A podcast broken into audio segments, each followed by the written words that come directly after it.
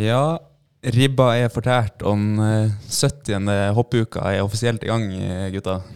Eh, undertegnede signerte lista i dag, men jeg sitter her med to stykker som var på pallen. Eh, Halvor og Robert.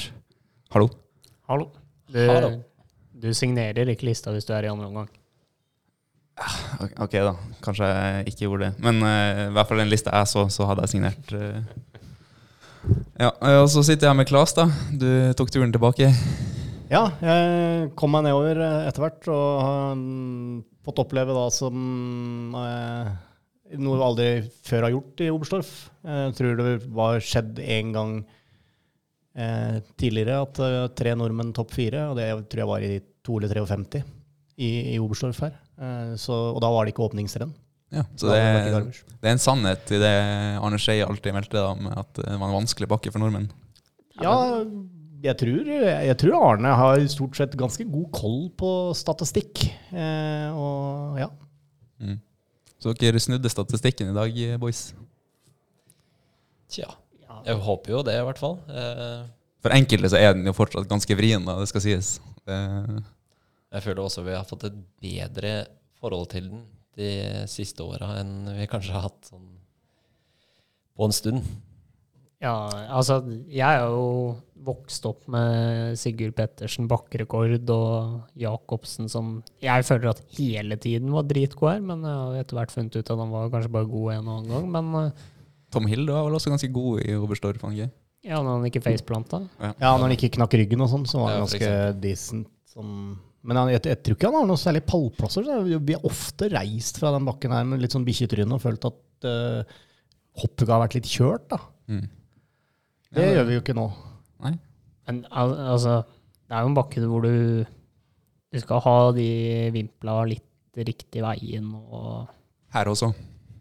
Ja, men her mer enn mange andre steder. Jeg føler at den bakken her er litt sånn Kusamo-kategorien Ja, at uh, Vi er ganske høyt over havet, da. det kan ha litt å, ha litt å si.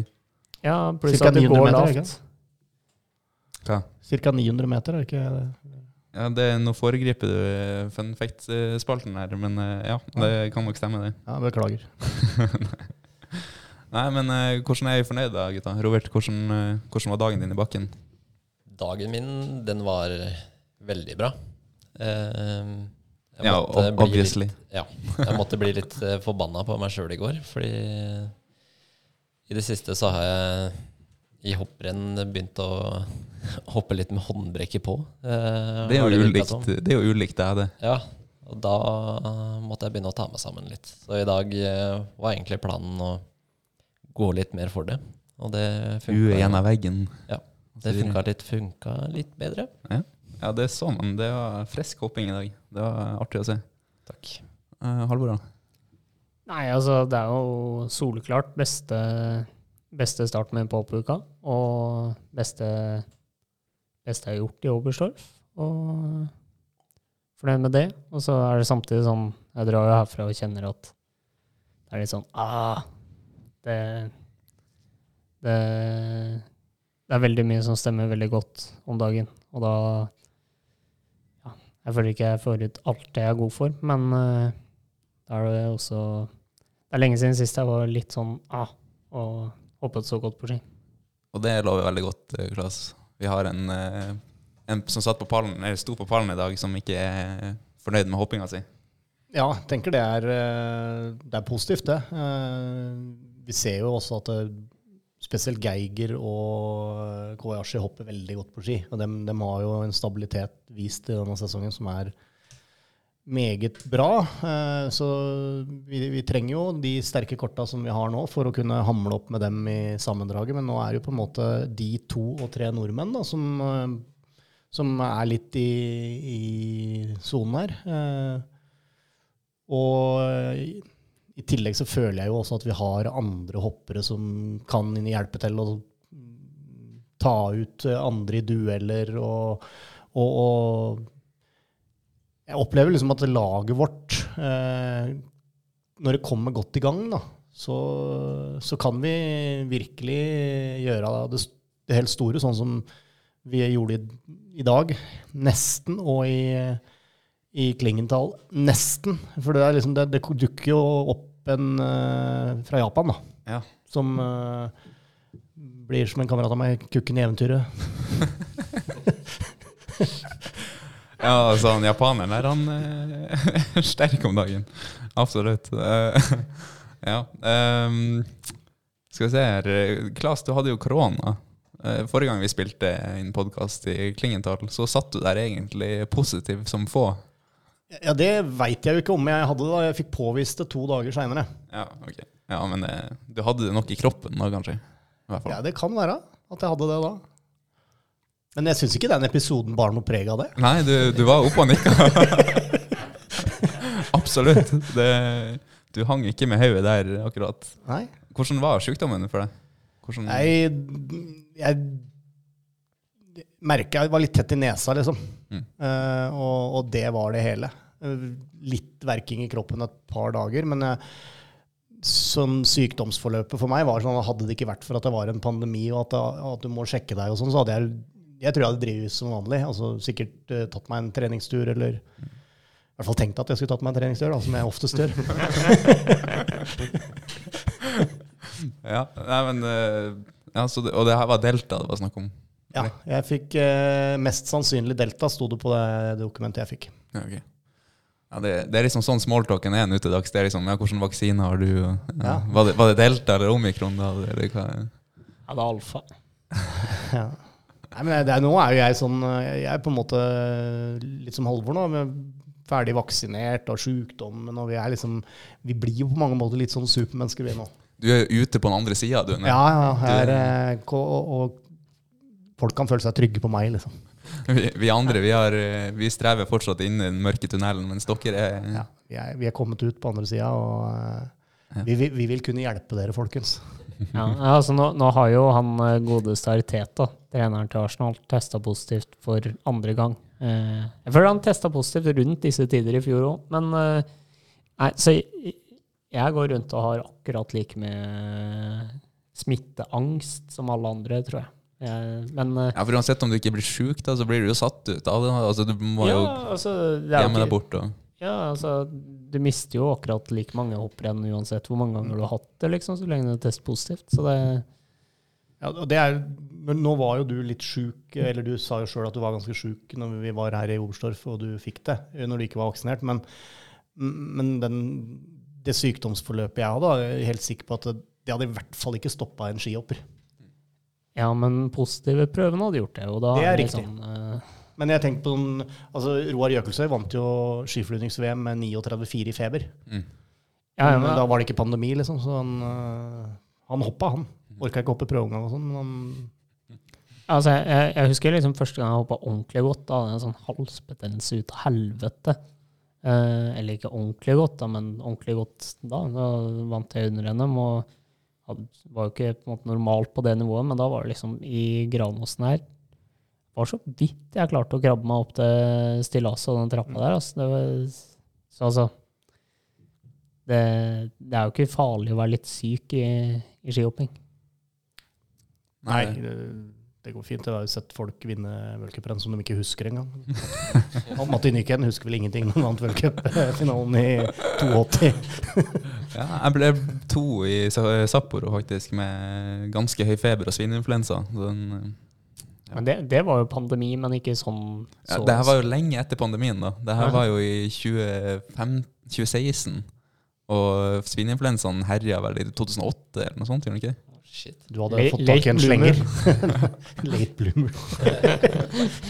Men, men ak akkurat det der er, føler jeg er noe vi må, vi må lære opp uh, nye sånn helsepersoner som er med oss på tur, hver gang. At ja, jo, jeg, ja, jeg er syk, men jeg skal jo for faen hoppe det hopprennet, liksom.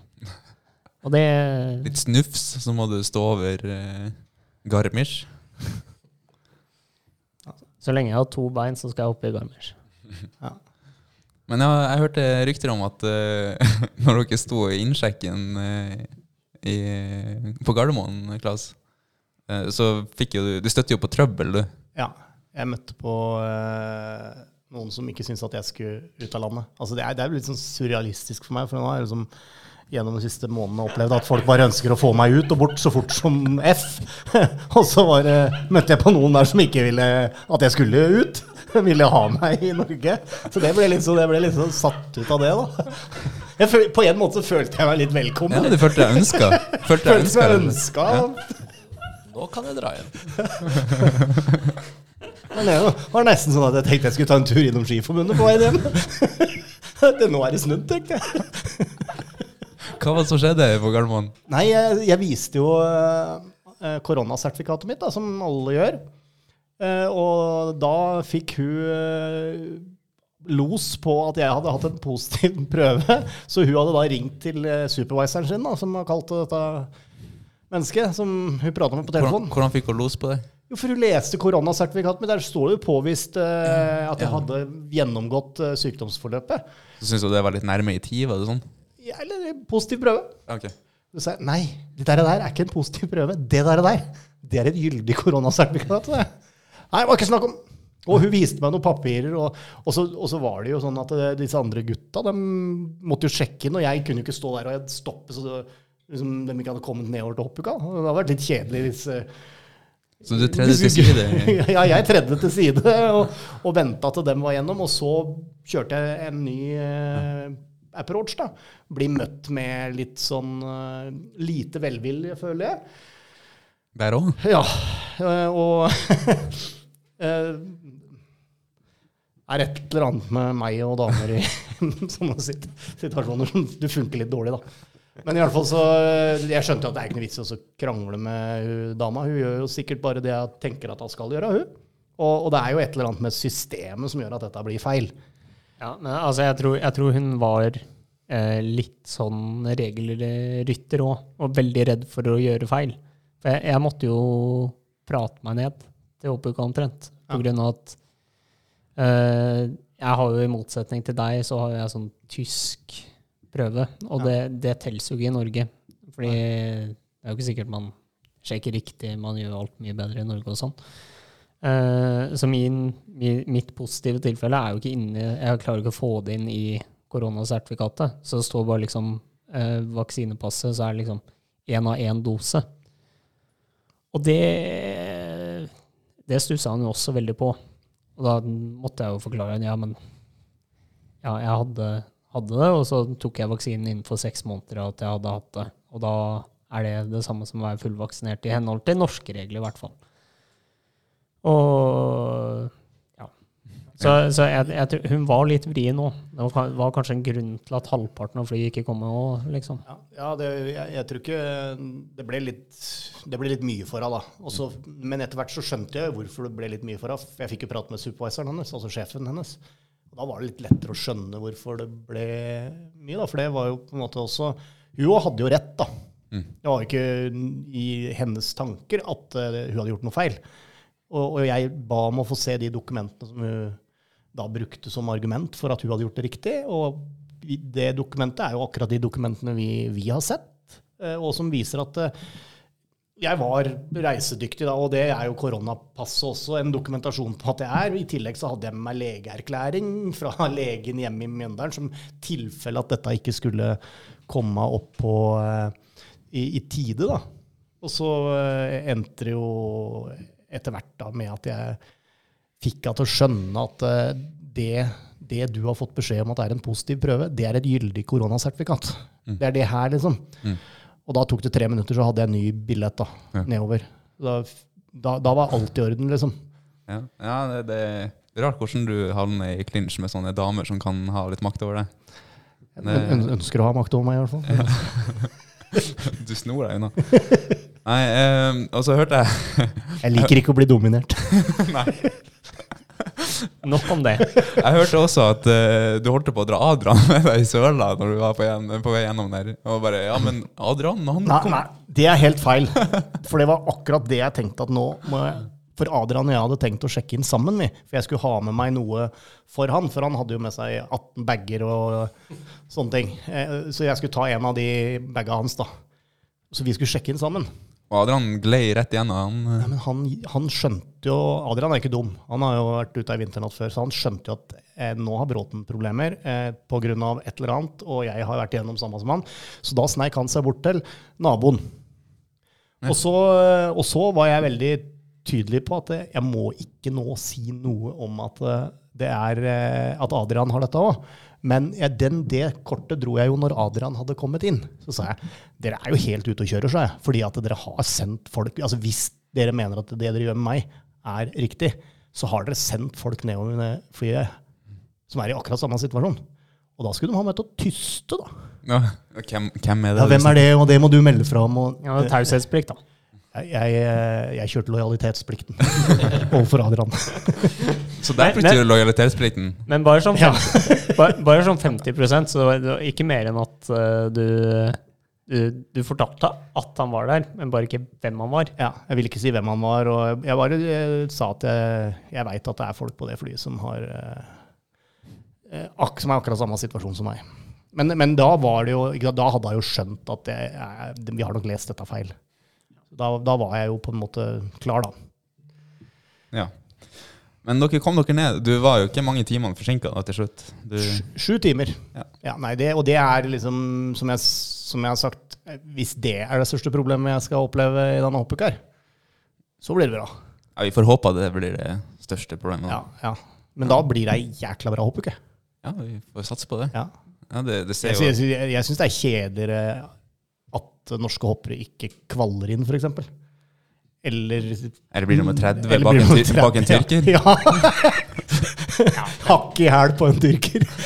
Jeg ble slått i dag 0,3 poeng av en tyrker. Og det, altså, ja, eh, det er jo dritfett da, Ja. at han eh, er oppi der og kommer til finale og sånt. Jeg, jeg skulle bare ønske han ikke slo meg. Men Johan, det er ingenting. I Hintesvarten i 1988 Da var det 124 startende. Jeg ble slått av Jesus Lobo fra Spania. Han ble nummer 122, og jeg ble nummer 123. Og Jesus Lobo var ikke noen sterk skihopper. Altså. Han hadde kanskje et navn da, som du kunne tenke at dette, skal, dette bør flyte litt, men det gjorde ikke det. altså. Hvordan blir en spanjol skijobber? Altså, Var han tysker Ja, nei, de, med de hadde dobbelt jo, pass? Eller? det var jo europacuprenn i Spania i mange år, La Molina. Hvor blir det igjen? Ja, det ligger i Sierra Nevada, der hvor det er alpinanlegg. Okay. Så var det en eh, bakke som de hoppa en, eh, rundt 80 meter i. Okay. Espen Bredesen var jo med der før han ble ordentlig flink til å hoppe på ski. De, de har jo worldcup i sånn slopestyle og sånn, tror jeg. De, de Ja. tror jeg er der. Så Ja. altså, det er jo Det er, det er eh, bra skianlegg der, men de sliter litt grann med at det kommer ofte noen sånne sandstormer da, fra Afrika. Sånn som vi blir- kan oppleve i Beijing? ah, Så det, det er der vi egentlig burde dratt på treningssamling i forhold til OL. Eller Eller kanskje alpinistene burde dratt hit da, for å øve på sånn der eh, ørkenkjøring. Ja, Der vi skulle slengt oss med Team eh, Ingebrigtsen. Ja. Det er vel mye Sierra Nevada der. Ja, ja. mange, mange, mange som er der. Jeg tror Jarl òg har vært der litt. Ja. Uh, har vi noe å tilføye til det? Nei, altså Nei, men det var, det var hyggelig at Tyrkia fikk poeng. Veldig hyggelig. Altså, det er en nasjon til som er med og Ja, jeg og Halvor satt jo i garderoben da han hoppa, og bare 'Å, det er jo dritfett', sa jeg. Liksom, ja, kult, liksom. Og så ender han opp med å slå meg. da. Så, det, Men, men eh, for å snakke litt eh, godt om han òg, han er en ordentlig hyggelig fyr, altså. Eh, jeg har prata litt med han. Eh, vi, vi ble jo også litt sånn buddies etter at han forsvarte meg, etter at det var en eller annen sånn polsk nettroll som skulle dra frem det at jeg ble slått av en tyrker begge dager i Ruka i tidligere år. Og da var liksom Da var han ute og meldte at tyrkiske medier vil aldri hovere over dette. Og var liksom på, og så snakka litt siden, og så ja, veldig, veldig hyggelig. Snakker bra engelsk og veldig sosial fyr. Ja. fin fyr. Hva, hva het han? Fight Arda. Ipsjoglu. Ja, for det etternavnet sliter jeg litt grann med å uttale. Men han Han har eh, feiret sin første jul nå. Vært hjemme, vært i Slovenia hos uh, treneren og feira jul. Så det var kanskje det som skulle til. Så kom Ja. formen. fordi at han feirer ikke jul i Tyrkia? Nei, det Altså jeg, Vi gikk ikke inn på liksom sånn religion og sånn, men altså, det er jo ganske altså Folk flest feirer jo ikke jul. Uh, og Men eh, de var mest på sånn nyttårsaften, så jeg vet ikke helt åssen det blir sånn religiøst messig, men eh, Nei. eh, han gleda seg til nyttårsaften, i hvert fall. Det var da han fikk avgjøre. Nå er ikke akkurat dette andakten heller, da. Så det, Har han noen lagkamerater i Slovenia, da? Eller er han alene i Europa? Ja, de, de er jo to tyrkere. Det er jo han, og så er det en eh, annen som jeg ikke husker. Sentimar eller Ja, eller. Sentimar uh, Husker ikke mer, men uh, Ja. Ja. Han, er, han, er- han er litt bak, men han ble sånn Han, han var ikke sist i går. uh, og, men det er Ipsioglu som er sterkest. Da. Finland, Finland er jo på mange måter en av tidens mestvinnende hoppnasjoner. De hadde med to utøvere i dag. Ingen av dem var i finalen. Tyrkia hadde én i finalen. Ja. Polen hadde én i finalen. Ja, Men han klarte å lure seg foran, uh, Foran tyrkeren. Ja. Ja, vi var tre på ei rekke der. Jeg, signerte, ja, jeg signerte lista på 30.-plass. Uh, tyrkeren på uh, 29. og Kobatski på 28. Ja. Ja. Det går, det går bedre med oss enn med polakkene om dagen, i hvert fall. Kan, kan vi trygt si. ja, heldigvis. Og Vi er kommet til eh, Andrea Morassi. Et pikenavn, og så litt eh, fleipete kan vi si at han er eh, oppkalt etter mora si. Den er morsom, Arne. Den er det. Ja, vi er i Oberstdorf, og jeg tenkte jeg skulle dra oss gjennom fun fact-spalten vår. For eh, Oberstdorf befinner seg da i en, lands, altså, en landsby som befinner seg i Oberalgoi Algoi, ja. Algoi i Bayern. Og det er 10.400 ish innbyggere her. Eh, og så er det da 17.000 gjestesenger. Så det her er jo åpenbart da en uh, turistplass. Det, det var det første du nevnte, Klasen, jeg spurte deg om fun facts fra Oberstdorf. Det er for øvrig 2,5 millioner overnattinger her årlig av besøkende. Og eh, Oberstdorf eh, har da to veldig viktige hoppbakker i verdenscupsammenheng, som er Schattenbergbakken og Heini Klopferbakken, som er bakken som først arrangerte skiflygings-VM eh, tilbake i 72. Mm. Um, ja, jeg spurte også Alex hva som var fun facts herfra, da. Og da var det at eh, det er bilfritt sentrum. eh, og så var det Skal vi se her hva det het for noe. Klein du? Walsertal. Ja. En østerriksk landsby, eller by, som du kun kommer deg til gjennom Tyskland. Ja, det er en sånn blinddal da, som ja. ligger da i, i Østerrike. men det er ingen andre måter å komme dit med bil enn å kjøre via Tyskland. Ja, Det er kanskje greit å presisere at det ligger i Østerrike. Det gjorde jeg kanskje ikke. Ja, du, du kalte den østerriksk, men jeg tenkte Ja. at det var litt sånn østerriksk tema, eller eh, Ja, litt sånn. Lilleputthammer, bare Ja, her har vi noe Kanskje litt sånn der små, små eh, frekt, liksom. Ja, vi skal kødde med østerrikerne og gjøre litt narr av dem, men eh, Ja. Nei, ellers da så er det 85 km med skiløyper. Det er 20 skiheiser og 44 km med alpinbakke. Hvor mange kilometer hoppbakke er det da? Det er jo pff, en halv kilometer med hoppbakke i hvert fall, da. Cirka, er det ikke det? Regner vi tilløp under den? Eller? Nei, jeg Er tenker bare unna den, jeg da. ja, Ta med Du tenker bare liksom hvor langt man kan hoppe? Ja, sånn, ja, jeg tenker jo det, da. altså, Men det er klart Det er jo sånn det er jo, Da er det jo sikkert fort vekk en kilometer med hoppbakker her òg, hvis du tar med alt. Ja. Og mer, kanskje, til og med. Ja, jeg tipper det. Det er jo sikkert kanskje det stedet Ja, etter Planica. Planica er vel det stedet i verden med flest kilometer hoppbakke, og så Per innbygger. Ja, I hvert fall per innbygger. hvert fall per innbygger. Bor jo 60 stykker eller noe sånt. Og det, sånn. Ja, da, men da er kanskje Vikersund nummer to. Hvis det er per innbygger. Ja, Ja. E- Eventuelt det der jordet i Kolm. Ja, det er Kulm, ja. For der bor det ikke mange menneskene. Nei. Der bor det tre kuer. Jeg vet hva Kulm egentlig Det tror jeg betyr uh, kolle. Oh, ja. Ja, Så det, er- det, det er litt som Holmenkollen, da, bare at det, er, det skulle hett Kollen. da. da, det.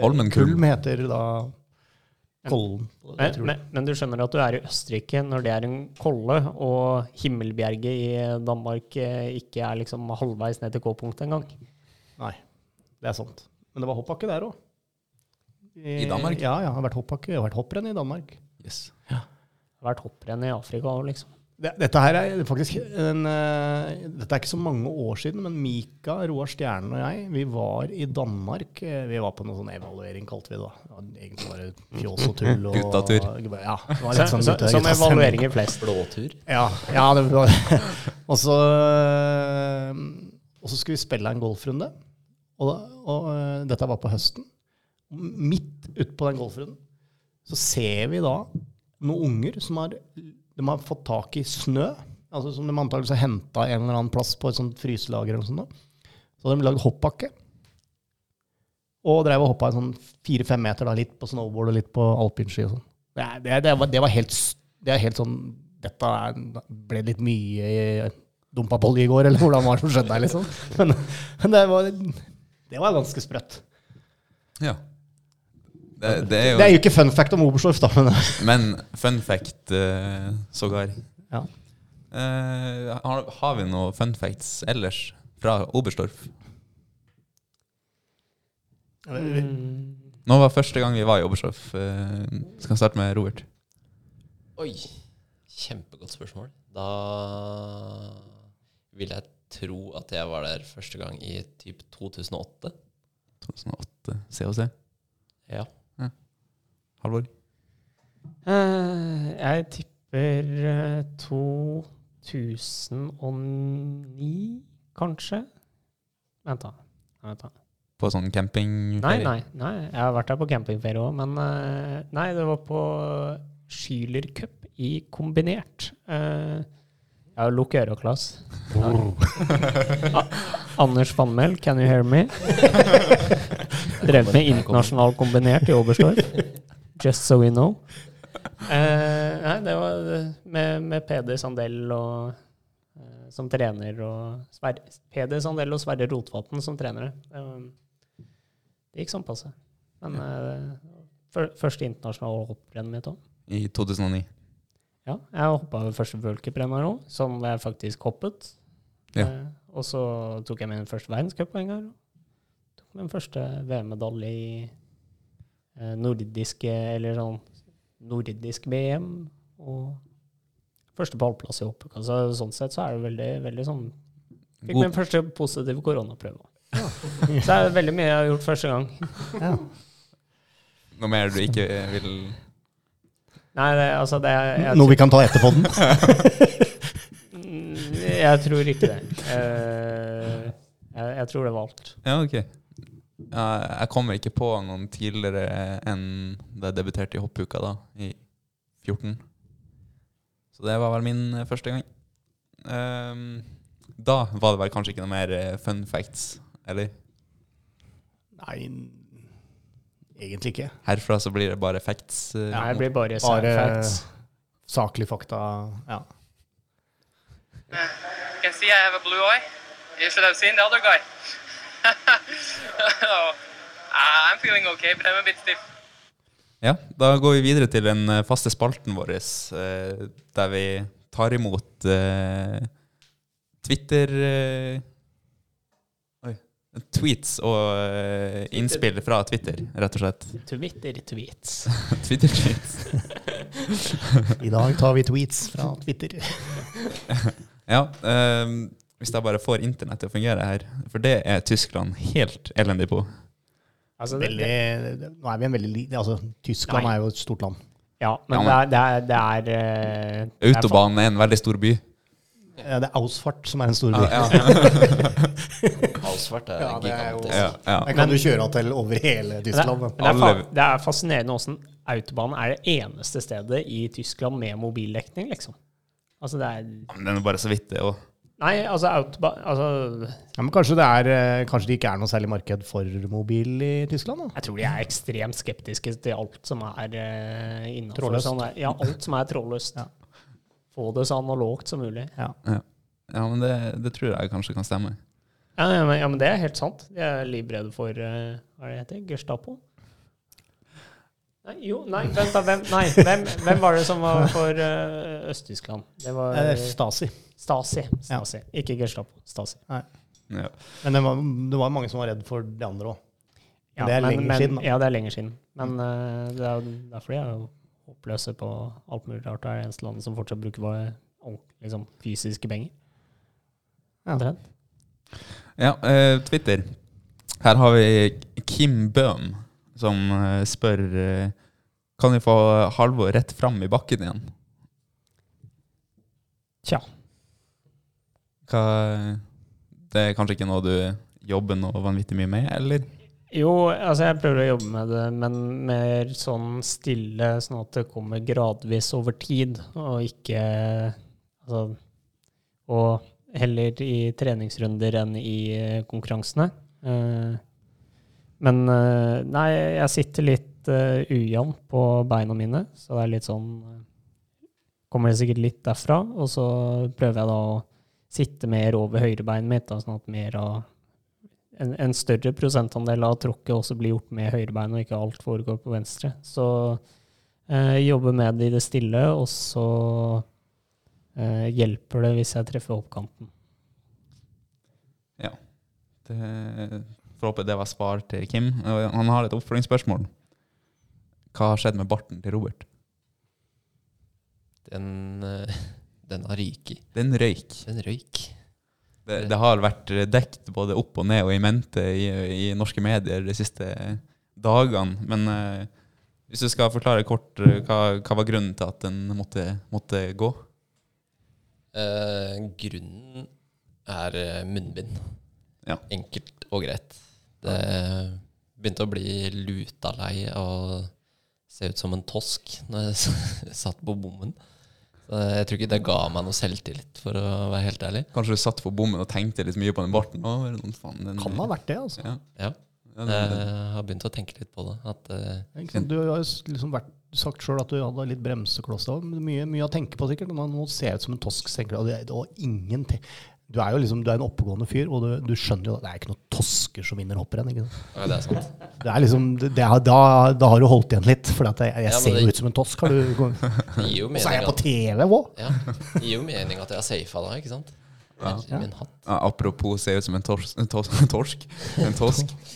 Eh, den, den, Tor torsk er skjegg og ikke bart.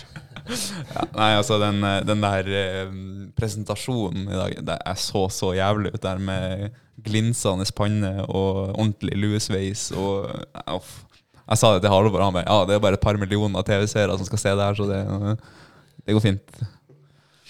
Eh, skal vi se Vi kan gå videre til eh, Nils Petter Hansen. Eh, Tromsø-gutt. Eh, hvordan er det å hoppe i regn? Hvordan var det i dag, Robert? Du, du var litt sein til podkasten for du skulle henge klærne dine til tørk. Ja, det Alt blir fryktelig bløtt. Men det føler jeg også sånn eh, jevnt over. Det er jo det som er problemet, egentlig. Akkurat når du hopper hopper inn i regnet, så Ja, nå, er du fint å forholde deg til det, føler jeg. ja, Men- altså, noen ganger så kan jo sporet bli litt trått. Ja. Det, men det virka som de hadde naila temperaturen ganske greit i dag på fryseelementene i sporet, så det ble ikke sånn vanvittig dårlig. Nei, jeg syns også de var ekstremt flinke til å holde sporet i gang, da. Og det virka alltid ganske crisp. Eh, så jeg følte det holdt seg jevnt selv i en første omgang med, med 50 startende, på en måte. Mm. Og ja, all kudos til bakkemannskapet, som jeg mener gjorde en knalljobb i dag. Ja. Um, du får et uh, til her, Robert, på barten din. Uh, Kolumna, Uh, en polakk. Hun hører neppe på podkasten, men hun bidrar, og det setter vi veldig stor pris på. Hun sier While you're making this podcast with Robert, can you please tell him to change his Twitter bi- bio? Norwegian ski jumper with a mustache. Da må jeg si 'check again'. Det er gjort for nå, allerede. For nå står det 'Who had a mustache'.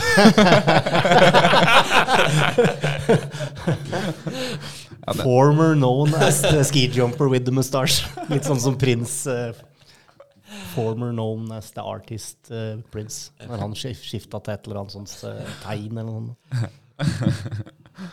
Ja, den er, den er bra, Robert. Der er du på ball. Der er jeg på ball. Uh, Bendik Hullen spør hva som er beste hoppukeminne. Enten som hopper sjøl eller foran TV-en som barn. Det må jo ikke være som barn, tenker jeg sikkert, men uh, man alle har vel et sterkt hoppukeminne, eller uh, Kan vi starte med Klas? Nei, det, det, det er jo vanskelig å komme unna Jacobsen sin seier i hoppuka, siden det er den eneste jeg har uh, fått lov til å ta del i. Hva er minnet ditt derfra, da? Er det liksom et spesielt hopp? Har du liksom, Er det en konkurranse? Nei, det var jo, det var jo Innsbruck som snudde alt for Jacobsen. Ja. Eh, så måte Gregor fikk eh, smake på vind over kulen der og blir felt ganske tøft, mens Jacobsen hopper kjempegodt og tar igjen hele forspranget og, og går forbi. Og, så liksom Innsbruck er jo en bakke som man både elsker og frykter litt, da. For det, den gir muligheter, men den kan også ta fra muligheter. Så, sånn er det jo også. også er det jo vanskelig også å komme unna spesielt seire i nyttårshopprennet. Det, det, det blir De er store. Ja, de er, de er spesielle. eh, fordi at eh, det er et, eh, et skirenn i hvert fall jeg har forholdt meg til så lenge jeg kan huske. Ja, og veldig mange eh, har jo akkurat det forholdet til nyttårshopprennet. Også dem som ikke ser hopprenn hver helg, fordi det er jo et renn, det er jo det rennet med mest oppmerksomhet. Ja. Kanskje ved siden av OL. Ja, jeg tror kanskje nyttårshopprennet innimellom har flere TV-seere enn uh, olympiske leker. Mm. Fordi det er, det er ikke sant, den pakka sammen med nyttårskonserten og sånn, gjør at det er en helt spesiell greie. Mm. Halvor, da? Har du noe spesielt minne? Ja, altså det er jo den seieren til eh, Sigurd Pettersen. Og jeg tror jo den var er sterkt bidragsyter til at jeg ble såpass hekta på skihopping som mer enn bare noe gøy jeg gjorde på ski. Eh, jeg husker veldig godt Jeg, jeg tipper jo det var Bischofshofen. Det gir i hvert fall mest mening i sånn minne sånn sett tilbake. For da, da husker jeg Da var jo rennet på dagtid, var det ikke det, Klas? Jo. Og da, da rulla, ble det rulla inn sånn derre TV som man hadde på skolen. Rulla inn i Sikkert på SFO, da. Og jeg gikk i Han vant i 3-4. Jeg gikk i andre klasse da, på barneskolen, og så så vi hopprennet derfra, og han vant vel i Bish? Ja, det tror jeg. Og så uh, vant han da hoppuka sammenlagt, med sikkert start nummer én eller uh, gul Mm. ledertre eller et eller annet. Det er i hvert fall Ja, jeg husker veldig godt det å liksom Wow. Eh, Mm. Han var sykt god. Og to, mer i ettertid Vi så på hopprenn på skolen. Mm. Det, er, det er jo Sånne lærere er jo gull verdt. Ja, ja. Altså det, det, er- det, jeg tenker at det Du, du må rekruttere sånne lærere, Klass. Ja. Ja. Jeg, jeg blir eh, Få navnet på vedkommende, så skal han på Han skal på sokkel. ja, ja eller men- hun, eller hva, hva det er. Det er ja. Ja. Eh, Jeg skjønner at det blir et sterkt minne, også i skoletida. Det husker jeg, Spesielt ting som skjedde sånn utenfor skoleting som skjedde på Altså i skoletida. Det ble alltid gode minner da. Ja, ja. Altså, husker jeg, da var det, jo, var det jo skihopping ned fra stoler og overalt. Da. Alle hoppa jo på ski da, liksom. Mm. Ja, jeg må bare hive meg på. Eh, Sigurd Pettersen er mitt eh, Altså, det er jo mitt første hoppukeminne, egentlig. Og husker det veldig, veldig godt. Eh, og da er det spesielt da sånn Oberstdorf-hoppet hans. Så, så husker jeg etter, i etterkant der så satt jeg og så på Jeg mener det var Kykkeli Kokos, altså sånn frokost-barne-TV, der de ringte Sigurd Pettersen. Og jeg syns det var så stas, da, for det var ting jeg fulgte med på. Og plutselig så dukka skihoppere opp der. Og så nå var jo ikke Sigurd veien min inn til skihopping, på en måte, siden jeg hadde broderen, men uh, det var et uh, godt minne. Robert, uh, har du noe Jeg må nok føye meg inn i rekka her med, med Sigurd Pettersen. Vi er nok akkurat i den målgruppa, på en måte. Vi var i den riktige alderen på den tida. Ja. Riktignok så er jeg noen år eldre. Høngammal. Men, eh, høngammal, ja. Men eh, den sitter ekstremt sterkt i minne. Spesielt det siste hoppet hans i Oberstdorf her. Eh, så husker jeg Føler jeg husker eh, husker alt, da. Både i forkant og i etterkant. Ja, altså det er jo sikkert et av de hoppene jeg har sett flest ganger. Både frivillig og ufrivillig. Altså det er jo et YouTube-hopp og egentlig Altså det er jo nesten så det ikke lenger er et YouTube-hopp, men et NRK-hopp. Som eh, det, Du kommer ikke unna det. Men jeg har bare lyst til å slenge inn to til. Det ene er eh, raskt Sven Hannavalt. For han hadde blå og rød ski, og det hadde jeg også et sånt der og Skiforbund Eller barn- og Skiforening ski, som også var rød og blå. Med liksom riktig var rød foran og blå bak. Og da var jeg ute i hagen og hoppa med de, og var Sven Hannavalt. Og så Leutzel 9 ganger 20 i stil eh, avslutte hoppuka med det. Den sitter, den sitter hardt. Jeg husker også husker så godt eh, hjelmen og Jeg husker jo til og med hovedsponsoren til Sven Hannamal liksom. At Ja. det, det er jo noe vi aldri sikkert har hørt om i forkant eller etterkant. Men det var jo noe som heter Coam, Coam, husker jeg. Ikke, aner ikke hva det er, men eh, husker det. Bra markedsføring. Det lønner seg å være på hjelmen til skihoppere. Absolutt. Altså, altså eh, Sven Og, og bare, den er ledig fra våren av. Det, og på oss, da. På, på guttene her som sitter og kjemper om hoppekeseier. Ja. skal vi ringe Red Bull, eh, Klas? Bare ringe. Ja, du, du tar en Red Bull, du, Klas. Slapp av. Tar alt. Nei, de har vel ikke vært eh, dem som tar lag så langt. Men, har jo Jo, jo, har Formel 1-lag. Ja, de har flere Formel 1-lag, og østerrikske skiskytterne også sponser Red Bull. Å ja, er skiskytterlaget, liksom. Ja, ja, alle, samtlige. Men Red Bull Østerrike virker å være litt mer på, litt mer på ball.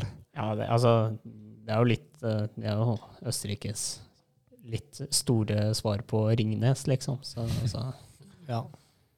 Ringnes, da. Børterøl. Ja, ja, ja. Jeg, jeg tror ikke bryggerier kan være sponsor, egentlig. Ser ikke sånn ut på hopprenn. Nei, her har vi jo Nei, ja, det, det, det, er, inne, det er norske regler, da. Um, internasjonalt så er det jo Ja, men de har, her har de jo De profilerer veldig gjerne alkoholfritt. Ja. ja, ja og du, Barsteiner og sånn. Ja, ja. jeg tror ikke 0,0% står det ofte ved siden Ja. av logoen. Heineken sponser jo Formel 1. Ja. Don't drink and drive. Det gjør eh, Peroni òg. Ja, nei, det mange muligheter her, Klas. ja, det dukker opp hele tida. uh, ellers, da. Sebastian, The Sebinator. Eh, Frapapa, Sebinator. ja, det er altså vi, han, han fortjener vi, eh, jinglen, absolutt. Han er fast bidragsyter. Og uh, her spør han da hvilke nyttårstaler blant dere i laget har dere høyest forhåpninger til i Garmisch. Og så vidt jeg kan skjønne, så er det vel bare én tale i år. Ja, men det er de letteste seierne å vinne, de. De du vinner på walkover. Så det er både høyest og lavest forventninger til Wilhelmstad. Ja, Det stiller skyhøye forventninger her, Klas. Ja, altså han, men det er ikke noe Det er, det er ikke en hvem som helst som skal holde tale. Han, han er jo sønnen eh, Til sjefen din. sjefen min, og eh, det kommer jo til å gå rapporter eh, om eh, kvaliteten på den talen. Eh, så han må, gjerne, han, må gjerne, han må gjerne prøve å ta lett på det. Det tror jeg ikke kommer til å lønne seg. Nei, han, øh, han har jo en kraftig stemme, og eh, jeg regner med at det her blir en bra tale. Det er høye forventninger. Ja, det er veldig høye forventninger, og vi regner med høye skuldre. Håper på høye skuldre. Ja. Og så, og så vil han, han vil jo også bli Altså publikummet som nå Det er jo ikke Det er jo kanskje bare faren din som er gjest nå. Vi, ellers så har jo vi innimellom eh, hatt mye gjester, og det, det blir litt sånn Mye media og sånt. Ja, ikke sant? Det er mye folk som dukker opp, og da, da er jo folk, i hvert fall ganske tidlig på kvelden, oppfører seg tilnærma som normale folk, da. Men det veit vi at ikke kommer til å skje når vi blir aleine der. Ja. Det kommer ikke til å bli det, Og det blir tungt for Fredrik. Vi, vi, vi kan jo ta en sånn rask runde på liksom nyttårstalene vi har holdt. da. Vi kan starte med Rabs. Og Ja. liksom, liksom følelsen og spenningen. Følelsen min, den var eh, Det var nerver. Eh, Men det var jo fordi jeg visste at eh, NRK kom til å stå der med et eh, kamera trykka opp i trynet mitt. Så det, det fikk jo realiteten til å kicke litt ekstra inn. Da, da følte jeg det ble ekstra mye press. Um, jeg følte jo talen i seg selv var Den var vel ok, men eh, Jeg mener du skulle ha ganske god tall. Altså. Ja, du er jo en taler, eh, Robs. Ja, men kanskje ikke Altså, Det var liksom en fin tale. jo, takk. Jeg setter pris på det. Men jeg tror ikke det var det er, det er ikke den talen jeg har holdt med mest selvtillit. Nei, man skal jo føle seg litt liten på nyttårsaften i Garmisch. Det er jo hele ideen med talen. Er jo at folk skal føle seg liten. Ja, nei, um, min del, for, for min del altså er det jo Altså, jeg, jeg hater jo Jeg har jo angst for public speaking.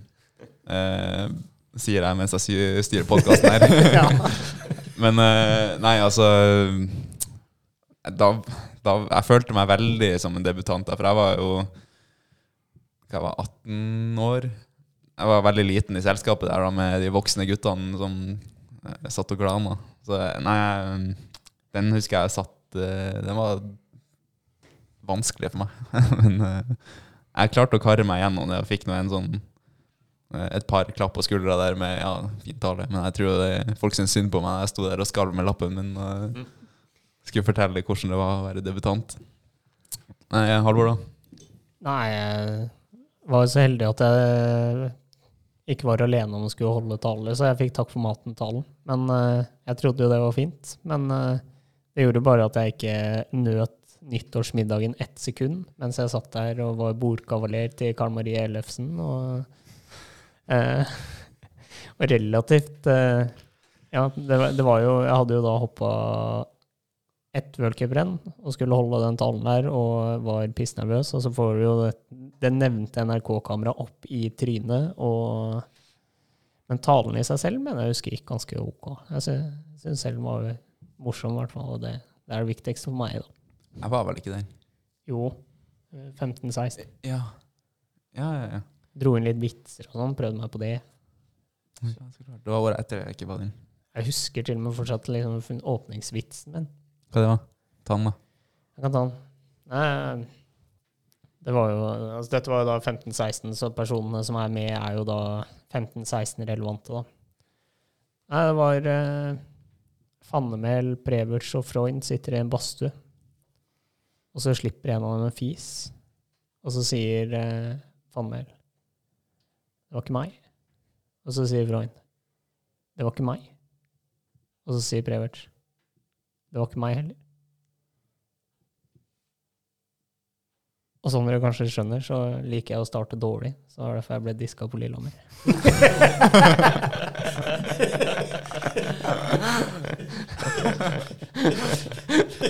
Ja, den, den, er- den, den holder seg jo også. Jeg synes, den var fin. Den var fin. Det var litt annerledes. Ja, jeg, kjør, jeg kjørte en på Kobaki og Sakuyama i forhold til sommerhopping. Jeg husker ikke helt åssen den gikk, men jeg tror de gjorde det ganske greit, det Oberstdorf der. Gjorde litt forarbeid òg. Jeg husker jeg var i kontakt med Miljøpartiet De Grønne òg, for det var en jævla varm Oberstdorf. Ja, det var sånn 14-15 grader, så jeg fikk liksom en sånn Det var jo 20 grader denne dagen. Ja, jeg fikk sånn presseuttalelse fra eh, pressekontakten til Miljøpartiet De Grønne. Sendte melding. På liksom han kunne komme med en uttalelse til det at jeg satt og skrev nyttårstale i hoppuka i 15-20 grader i Oberstdorf. Ja, det, det husker jeg. Det, det husker jeg. Ja, nå kom jeg på eh, Han svarte liksom at alt tyder på at eh, været blir eh, varmere, villere og våtere eller et eller annet. Det var liksom vitsen at jeg har flaks for kobakke og Sakayama. Ja. Uh, ja, det det er derfor du dro i gang hele den her talene våre. Du er veldig fornøyd med din. Jeg er litt det. Holdt, du tale sånn debutant? Ja, det, ja, for det var, det var jo da dette spetakkelet starta, egentlig. vet du. Ja. Fordi at eh, da klarte de å innbille meg at eh, det var helt vanlig at debutanter holdt tale i Hoppik. Og da, da satt vi på Hotell Post ute blant masse folk og spiste middag. Vanlig restaurant. Vi satt ikke sånn som vi er nå, i eget rom. Da måtte jeg klirre i glasset og holde da tale, og, og jeg måtte gjøre det på engelsk. Det fikk jeg beskjed om av de der etablerte hopperne, for det, sånn at folk i rommet forsto det. Og det var jo så kleint. Det måtte jo Lobben òg gjøre. Her, var det i fjor eller forfjor? forrige fjor? Tror jeg. Ja. Ja. Fortell. Da var ikke jeg der. Ah, uh, nei, det var bare at uh, Det var vel Meg som dro i gang det der. Uh, han sa at eh, Nei, du må ta den på engelsk, da. ja. Selvfølgelig, du må ta med penger. Altså, til slutt så tydde jo lobbyen på det, da. Ja. Og det var liksom Eurosport skulle filme og sånn, så det var viktig at det var på engelsk. Så sto Eurosport der eh, og filma, og lobbyen sto der på sånn stotrende sterninger skal, skal holde tale. Da. Nei, det, det De talene der, de er hva, hva er den mest minneverdige talen, Klas? Du har jo vært med på en del.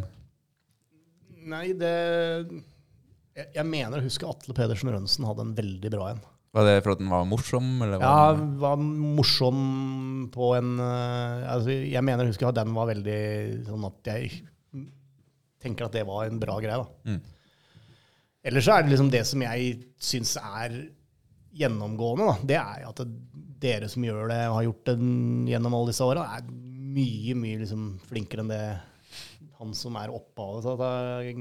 Ja, men du måtte gjøre det på engelsk, da. ja, men eh, Det var dårlig, altså. Men det er liksom, det er, det, jeg, jeg føler at disse oppvoksende generasjoner nå er mye flinkere til å gjøre sånne ting. da. Ja, jeg husker Altså, jeg liker jo helst når jeg kan fleipe og tulle om ting, men jeg turte jo ikke å gjøre det under nyttårstalen, og det er jo den største tabben jeg noen gang har gjort. Det er jo, det er jo der vitsene skal komme fram. Det er jo der man skal ta det litt useriøst og kødde litt. Ja, jeg, jeg husker Hauger hadde også en veldig fin en. Ja. Og da Robert, som nevnt. For dere var jo begge litt eldre når dere debuterte, og liksom fint i forhold til det å Ja. Det, det, det fine med skihopping, da, er jo at du Hvis du bare jobber hardt nok, så kan det løsne, på en måte. Det var liksom rundt de tinga der, og det ja, Det er i hvert fall to taller som har gitt inntrykk på meg i forhold til To gode tall jeg vil trekke fram. Mm. Ja, så hørte jeg jo Jeg har hørt veldig mye om den Ingvaldsen sin tale, da. Ja, den har jeg også hørt veldig mye om. Det, Ja, men bare, ikke- bare om den, ikke selve talen. Nei, ikke veldig mye positivt heller, for så vidt. Han, eh, han, han dro til litt vel mye. Han tok den på nordtrøndersk. Ja, nordtrøndersk, i nordtrøndersk stil og med nordtrøndersk tema. Og den var jo Jeg mener jeg husker at Karen Marie Ellesen var der da. Ble Ti år eldre. det, Her var det noe løssnus på hvite duker. Og, Ja, det var eh, Nei, men jeg, jeg husker den òg. Norsk ungdom på sitt beste.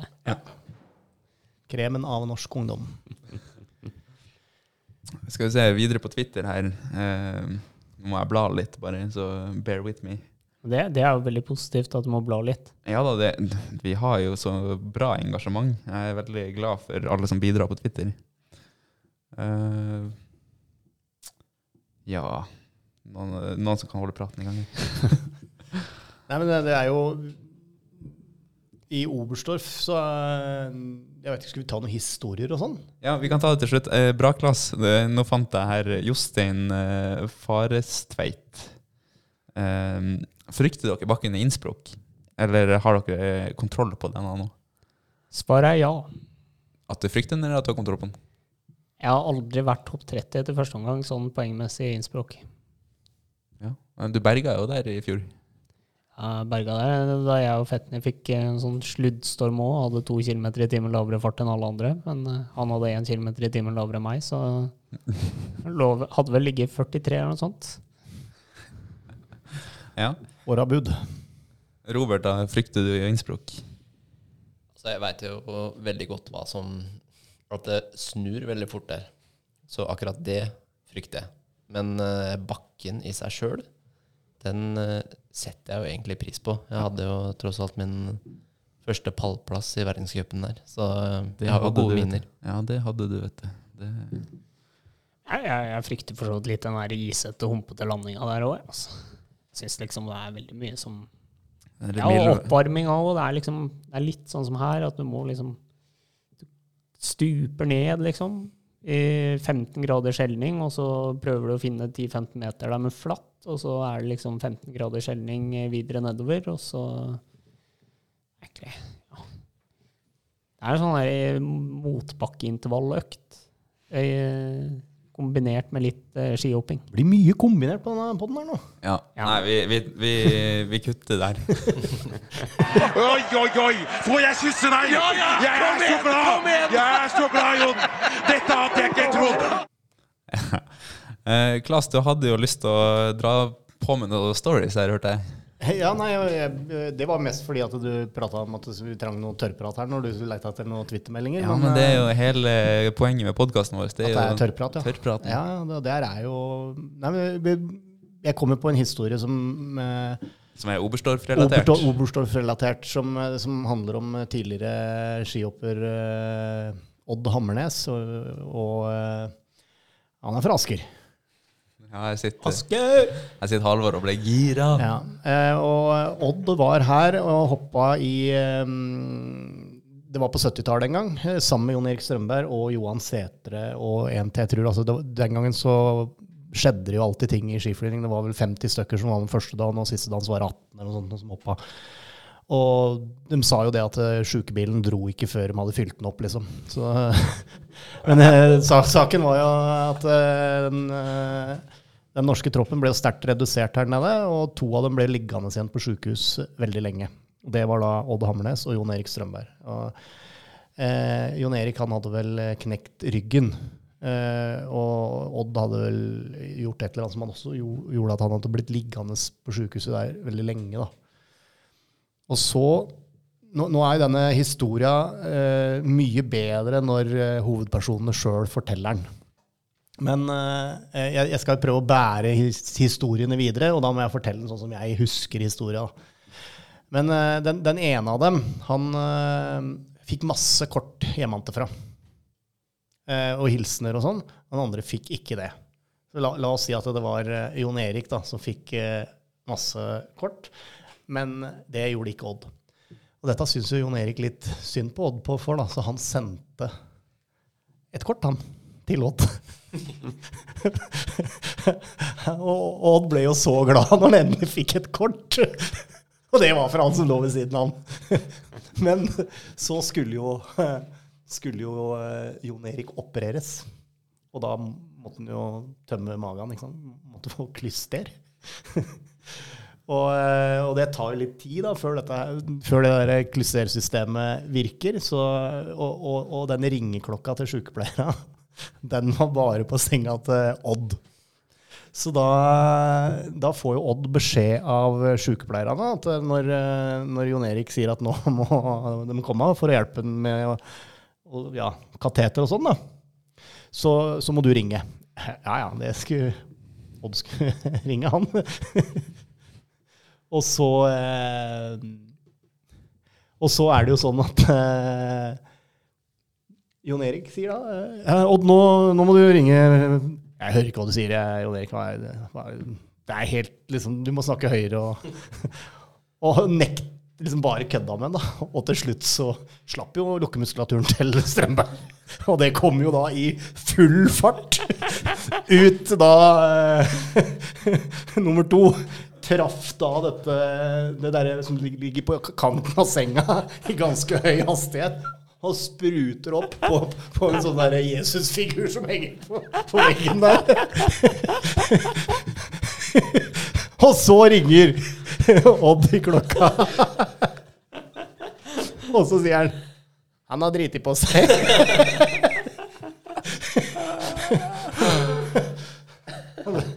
Det var en Oberstdorf-relatert historie fra hoppmiljøet. Men, men det, det Oberstdorf-oppholdet der til Odd, det Jeg vet jo For pappa har jo det å være fra Asker og representere Altså si liksom Ja, jeg kommer fra Asker. Da Å, kjenner du Odd? ja. Og det er jo på grunn av det sykehusoppholdet. Altså, altså det Odd har jo åpnet dører for folk fra Asker i Oberstdorf gjennom eh, Altså, jeg vet at pappa liksom skulle hilse til sykepleiere, Ja. og det er jo ikke måte på. De, Ja, det, Både, både Jon Erik og Odd er jo to ekstremt sosiale folk. Ikke sant? Blir kjent med, du kan slippe dem ned hvor som helst i verden, så blir de kjent med folk og får venner. Da. Så dem, dem har jo fått et veldig bredt nettverk her nede. Da. ja. Til tross for at det var litt, litt reislighet til tider. Ja, bra. Hadde du også en story, Halvor? Ja, ja, den storyen er fra i, den er fra i våres. Eh, jeg skulle da til eh, Ja, fikk en ny bil i eh, løpet av vinteren i fjor, og så var jeg på en måte på første besøk Snikskritt? Nei. Eh, var jeg på første besøk sørover, da, hjem til Asker ute i april der, når jeg først var ute av karantener og alt som var. Eh, og da dro jeg innom forhandleren og sånn, og står da i køen til å liksom få hjelp. Står det en kar bak meg og liksom skulle ta litt bilder og sånn, så jeg hadde bare parkert bilen rett foran, og så står det en kar bak meg og begynner å prate til meg. da, liksom, ja, det var bra jobba i vinteren som var, og så jeg svarer jo som vanlig, liksom, takk, og ja, hyggelig, hyggelig at du følger med og sånn. Og så liksom, ja, jeg drev og hoppa litt på ski i gamle dager, jeg òg. Ja, Tok jo litt verdensrekord og var litt landslagstrener og sånn. Ja, og jeg får liksom de øynene og fader, nå driter jeg meg ut. Jeg, jeg, jeg kjenner ikke igjen deg her du står nå. Og liksom, ja, jeg satte verdensrekord i Oberstdorf, da. Det var sånn, ok, nå føler jeg meg 90% sikker på at det er Lars Grine jeg står og snakker med, men jeg kjenner han ikke igjen, altså. Eller altså, jeg har ikke liksom Jeg har blitt litt eldre siden de svart-hvitt-bildene der, liksom. Eh,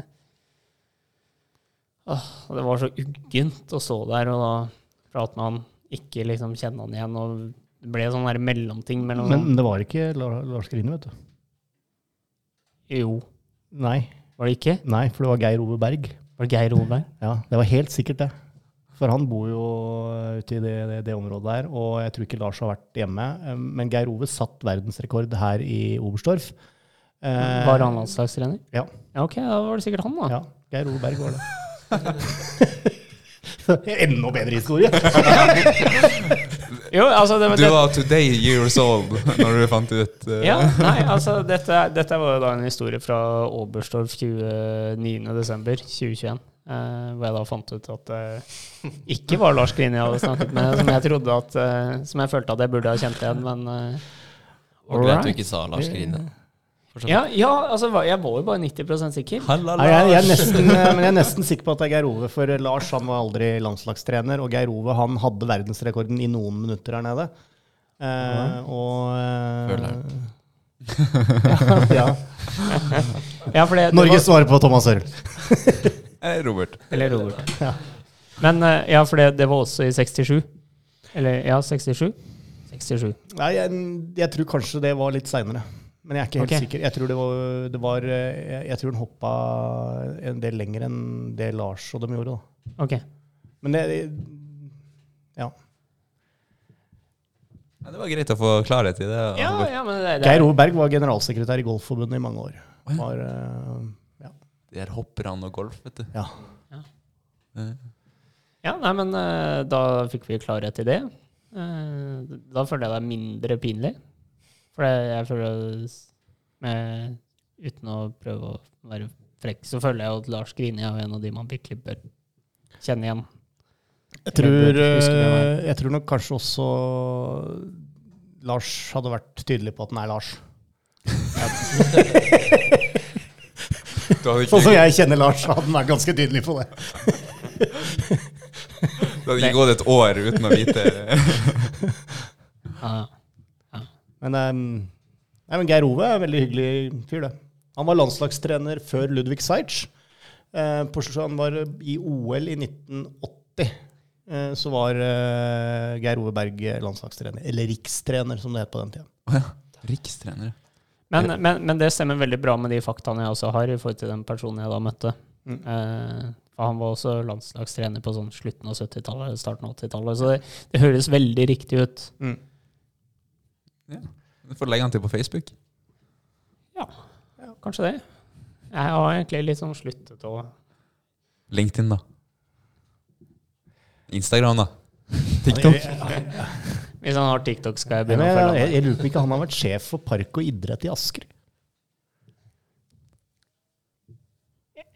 Ja, det kan også være. Da burde han fiksa noen hoppbakker i Asker, da. Ja. Fy skamme seg. Ja. Har vi noen flere stories der det er storytime over eh, for Oberstdorf? Vi, kan jo egentlig melde om at det bør komme eh, special edition med Roger Ruud-historie i Garmisch. Spesielt siden Roger skal eh, dit og dele ut premier. Og ja. Ja, du har Nå har du tisa den to ganger. Ja. Det begynner snart å bli lite troverdig hvis den ikke kommer. Ja. Vi må få på Rogeren snart. Det, det er klart. Kan, Nei, men ja. Kan han være gjest på nyttårsaften? Sånn som jeg kjenner Roger, så vil han jo gjerne det, hvis han ikke har et annet opplegg. Det har han jo helt sikkert. Eh, Men eh, det hadde, vært, det hadde Roger satt enormt pris på. Han er jo verdens triveligste fyr. Eh, Han er jo han er så morsom og, og Nei, men vi kan invitere Roger. Syns vi kan gjøre det. Skal gjøre det. Ja, gjør det. Ta, ta på deg den, klassen, så satser vi på at vi har Rogeren, selveste Roger Ruud med oss eh, på neste pod. det er egentlig det vi har fra Oberstdorf, og så eh, prøver vi å spille inn igjen om et par dager i, i Garmisch. Vi prøver å bruke dagene i forkant av hviledagene her til å sitte på kveldinga og, og jabbe litt. kan jeg bare komme inn med min sånn der eh, Det jeg prøver å få inn nå, ukas oppdrift tilbake min. Ja, Vil du ha en egen for Oberstdorf? For jeg, det hadde jeg tenkt å si, Halvor, at jeg tenkte at vi kunne ta en for hoppuka, men vil du ha en i dag? Ja. Ok, kjør. Jeg, jeg vil ha inn uh, Ipsiogle som uh, ukas oppdrift. Og så Folk nikker rundt bordet her. Jeg tror ikke du slår feil med den. veldig personlig Anders Fannmøll, ukas bakvinn. Eller forrige ukes bakvinn. Ja, for, fortell, Halvor. Det- For dem som ikke har hørt eh, forrige ukes episode, det, det anbefaler jeg eh, for så vidt å gjøre, men eh, der ble det jo initiert en liten beef her mellom Hal eh, Halvor her og. Beefen, beefen er hørt, mottatt, og jeg ønsker å svare. Anders Fannmel, jeg slår deg. Her må vi få gjennomført, tenker jeg. Ja, det her er da snakk om kombinert, altså langrenn og hopp. Eh, Klas, lukk ørene. Det dukker opp igjen. Hoppka, heter det ikke hoppkast, eller heter det hopp og kombinert kast nå? Ja, ja, men, eh, ja, men vi kan gjerne få en litt mer kombinert òg. Eh, jeg ønsker å bruke litt eh, Altså, dette blir kort klass, Ja. men i disse sånn slutten av året-tider, så er det jo veldig populært med sånne lister over liksom årets eh, beste idrettsutøvere og sånn. En som kronisk havner for lavt på de listene, uavhengig nesten av hvor han havner, er Jarl Magnus Riiber. Du tenker på VG sin eh, topp 100-liste? Nei, ja, uansett hvilken sånn liste det er. Altså, jeg føler at han er så mye bedre enn det folk tror og skjønner. For han, han er så sykt god idrettsutøver. Ja. Det, og- det er jo, det er, det er jo en, liksom, den gamle paradegren kombinert. Da, sånn historisk sett så er det jo en veldig viktig idrettsgren for Norge. Og, og det er jo en fryktelig sammensatt idrett, hvor liksom den ene delen av idretten er jo nesten motvirkende for den andre. ja, det er hemmende, rett og slett. Ja, og, så det er jo, det har jo Jeg har lest noe i forbindelse med OL om, som sier liksom at det er den vanskeligste idretten mm. å drive. Så all, all mulig respekt til uh, det som spesielt Jarl driver, da, for han må jo begynne å seile opp som tidenes beste kombinertløper. I en alder av knapt fylt 24 år, liksom. Ikke sant? Og det, det er Altså, han, han er et par seire unna å bli tidenes mestvinnende i World Cup. Og Og hvor havna han på lista på denne topp 100 til VG? jeg vet ikke, sikkert sånn litt, litt bak Johaug og ja, altså, Johaug var jo inne topp 10, og det er jo helt uh, skandaløst, eh, spør du meg. Ja, hun deltok jo ikke på noen ting omtrent. Men hun ble jo ikke slått heller, så det trekker jo for så vidt litt opp. Ja, men, men, eh, men så trekker jo langrenn ned. ja, ja, det er klart. Men det, det er eh, jo ikke noe, altså, det er jo, det er jo stor forskjell på eh, hvor stort kombinert det er i Mellom-Europa kontra langrenn. da. ja, det, det er jo Kombinert er jo I Tyskland her så er det jo Det er veldig ofte at tyske kombinertløpere er blant de som er med på kåringen av årets idrettsutøver i Tyskland. ja, er topp tre, liksom. ja, Geiger ble jo tre nå. Han er ikke kombinert. Eller det fins jo en Geiger som er kombinert løper Ja. som er ganske god, men uh, Geiger ble jo tre i Ja. idrettsutøvere i Tyskland i Ja, jeg syns jo også at du havna veldig langt ned på den lista. Jeg tror jeg var sånn 21 eller noe sånt. Nei, var det så langt ned? Var det ikke sånn 12 eller noe? Nei, nei, jeg tror jeg Nei, var var 21. 21. Ja, det er i hvert fall for lavt. Jeg syns 12 hørtes for lavt Var, ut. var du den høyeste skihopperen, eller var Maren høyere? Nei, nei, jeg var klart slått av Maren. Hvem var hun på? Jeg tar faen, sånn 12 eller noe sånt. Jeg, jeg, jeg beklager det, Maren, altså. Men, eh, Ja, nei, men altså, verdenscupseieren i, i hopp eh, den, den fortjener bedre enn eh, altså under 20 Det skulle vært, altså, det, det skulle vært topp 10. Ja, klink Men jeg, jeg, synes jo sånn På helt generelt basis så syns jeg sånn sammenligninger av prestasjoner på tvers av idretter, det er, det er, Det er vanskelig. Det er, det er ganske noldus, da, fordi Ja. at det er, det er uh, Oppi der så er. Magnus Carlsen, ikke sant? Jo, jo, men, ja, men det, Ja, er men enorme altså- enorme prestasjoner uansett hva du driver med. Altså, du skal sette, sette det opp mot andre idretter. Det blir sånn, der, det er sånn barnehage. Pappaen min er sterkere enn pappaen din. Liksom. Det er liksom slutt å tulle. Det er, vi skal være enormt stolte over at vi har så mange gode idrettsutøvere i Norge. Og det burde vi ta eh, mye mer inn over oss og, og prøve å finne ut av hvordan vi skal klare å fortsette å være. Ja. Istedenfor å drive med sånn derre altså Jeg skjønner jo at VG driver med det, altså, men det derre det blir, det blir litt mye å sette ting opp mot hverandre. Og nå, nå ender det jo alltid opp med at i, på idrettsgallaen så er det jo det ender jo opp med en eller annen negativ greie bestandig. Fordi at det er noen som ikke får noe som de har fortjent. Og så, og så, Og så blir det oversett, og så- ja. ja, så blir man på en måte, så ender man i, nesten i konfliktsituasjoner.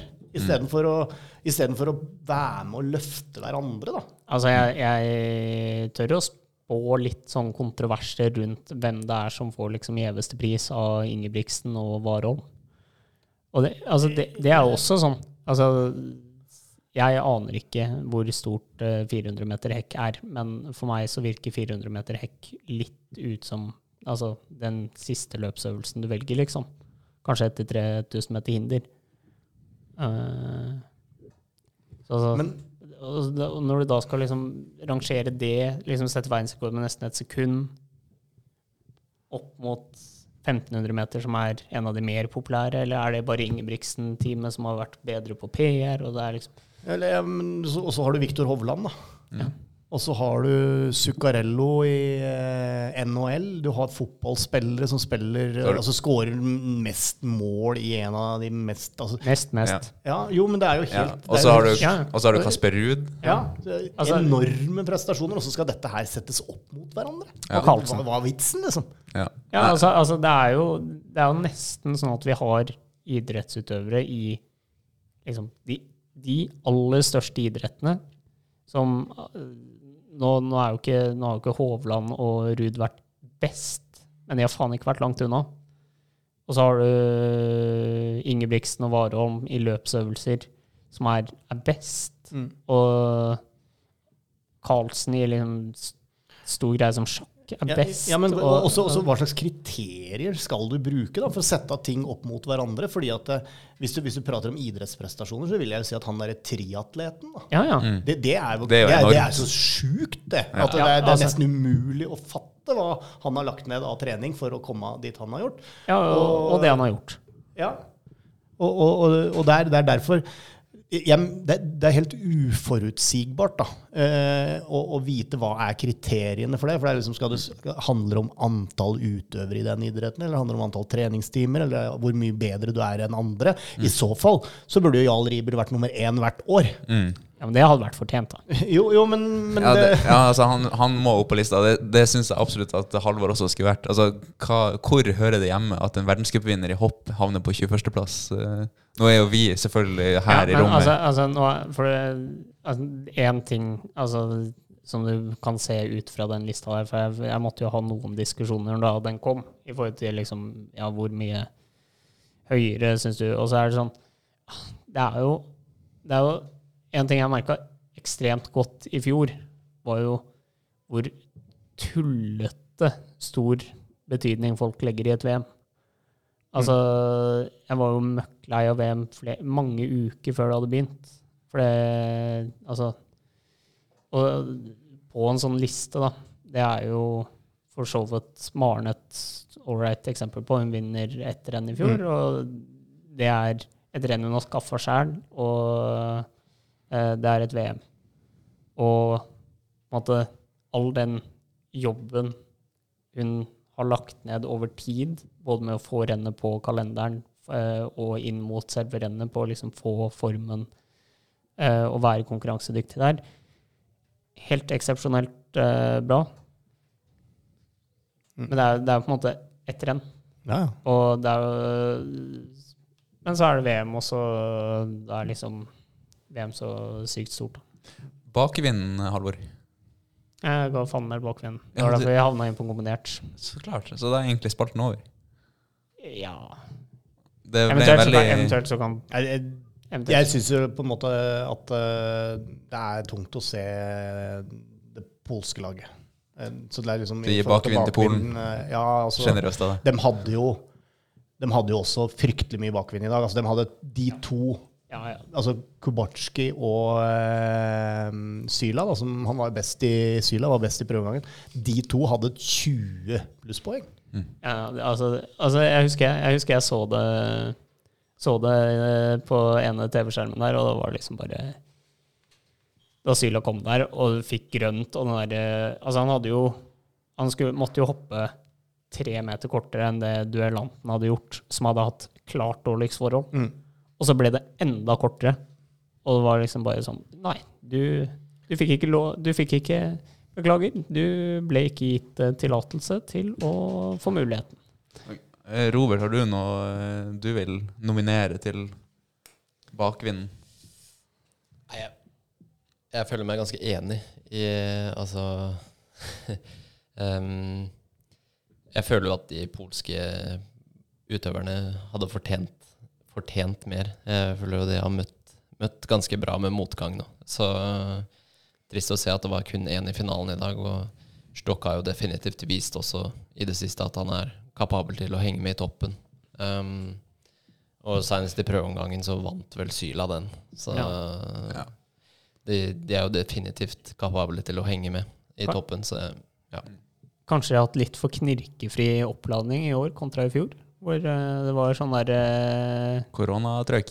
koronatrykk på hotellet her, og eh, ikke fikk anledning til å være med i kvalikdagen, og så fikk de disp, eller så nulla man kvaliken pga. at det var falsk positiv, og du hadde liksom ene dagen her, så eh, hadde, hadde Kobaki blitt uh, pappa, og det var liksom Jack Daniels til og ja, stemmer det. Altså, det var jo ikke måte på hvor store kontraster det var på de dagene der for uh, polakka. Altså. Og idet vi snakka om det, så kom uh, Stekala gående forbi her med en kurv med øl. Uh. Piknikkurv med Ja, Bayers. ja, Vinka hallo til oss. ja, jeg tror det er lurt. Nei, Polen er straks der oppe, eh, skal vi tro. Eller? Ja. ja, altså jeg Men han får, får han baktrekken? Ja, jeg har en nominasjon til. Ok? Fallet til uh, Sene Preverts i går.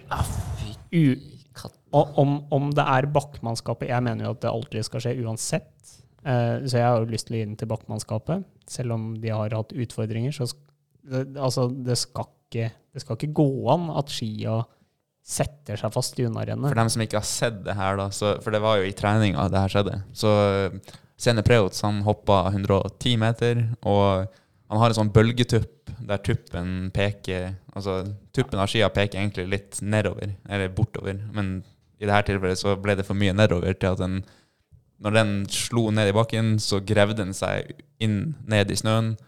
Og eh, Sene da snubla ordentlig hardt framover eh, i landinga. Veldig sært fall. Har ikke sett noe sånt før. Eller hadde Roger gjort det? var det sånn? Ja, Roger Ruud har gjort akkurat det samme. Den gangen Fischer lagde bølgetupp til Roger, Ja. eh, så var dem for mjuke, og da skjedde akkurat Jeg tror det var i Garmisch. Skjedde akkurat det samme med han. Yes. Men, men, men etter å ha gravd ansiktet ned i unnarennet her i dag, så, så det var altfor komfortabelt. Altså, jeg, Mykt.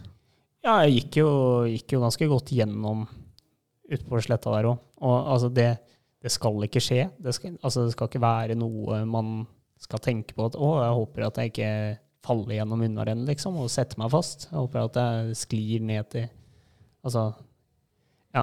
Nei. Eh, var noe jeg satte ekstremt lite pris på å se, og Nei, så skal vi gi da baktrekken til Altså, altså om, om det er skia til Preverts eh, eller bakkmannskapet Noen jeg, jeg nominerer en av de. Men det var vel to på Polen her. Ja, men nå tenkte jeg for så vidt ikke på den med scenen der, eh, fordi det var i går. Men eh, jeg er veldig enig med Halvor, for det, det er jo en Men nominerer du da Slatnar-skia eller bakmannskapet? Altså, den, Liten som sto payback. jo, den sto jo bokstavelig talt omtrent igjen. Da. Du, Altså, har- du har prøvd bølgetupp, har du ikke det? Eh, altså, jeg Mine peker oppover, da. Så jeg tror ikke jeg skal ta på meg det. Nei, ok, ok, ok. Og kun prøvd på sommeren har du ikke? Eh, nei, jeg har prøvd på vinteren. Altså, jeg hadde type flate tupper. Men uh, jeg hadde såpass eh, Mye splitt. mye splitt Ja. at den, jeg tror ikke den slo nedi. Det gjorde den nok. Men uh, uh, det skia, skia for så vidt skal ha, er jo det at den knakk ikke. Altså, det var samme skia han hoppa med i rennet i dag, og for så vidt slo ut stokk. Så altså Mm. eh, kan, kan, Kanskje ukas oppdrift i Sene Prevert og ukas bakvind til bakmannskapet. Det er kanskje min finale Så, så tyrkeren ryker. Der røyk tyrkeren. Han var, fikk smaka på det, da. Ja. Fikk smake på det. Ok, ja, men uh, den er grei, Halvor. Det, jeg, kan, uh, jeg kan signere den også. Så eh, snakkes vi i Garmisch. Snakkes. Hei. Snakkes.